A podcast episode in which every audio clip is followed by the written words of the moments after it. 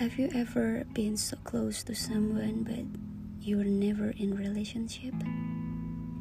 And when you stopped talking, it felt like a breakup. I have. A different level of hurt is when someone makes you feel special, just suddenly leave and you have to act like you don't even care anymore. That hurts. I waited for your text. I give you space. I let you talk to me anytime. You're feeling down and I put your feelings over mine. I never easily let someone come into my life, but I allowed you to come into my life. I let you know my whole story.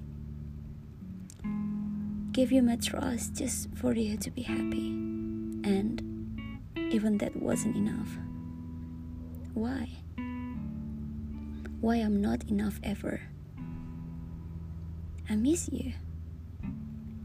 You promised to not finish. You gave me your word. You filled me with hope and security. You told me the things I needed to hear to take a chance and make the jump with you. You made me feel like I was worth it.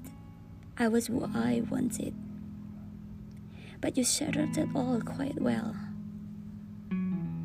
But you left, finished, without reason, even no words come out. I don't know why you left me. I thought I was enough.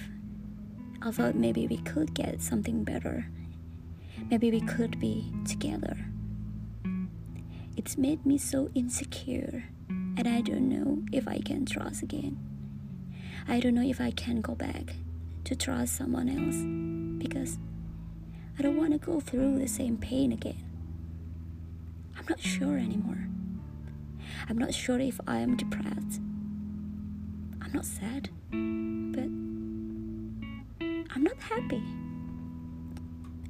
I still can laugh and smile in the day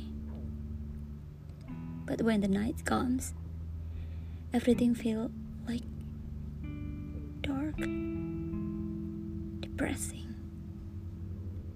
To whom should I hold accountable for this feeling?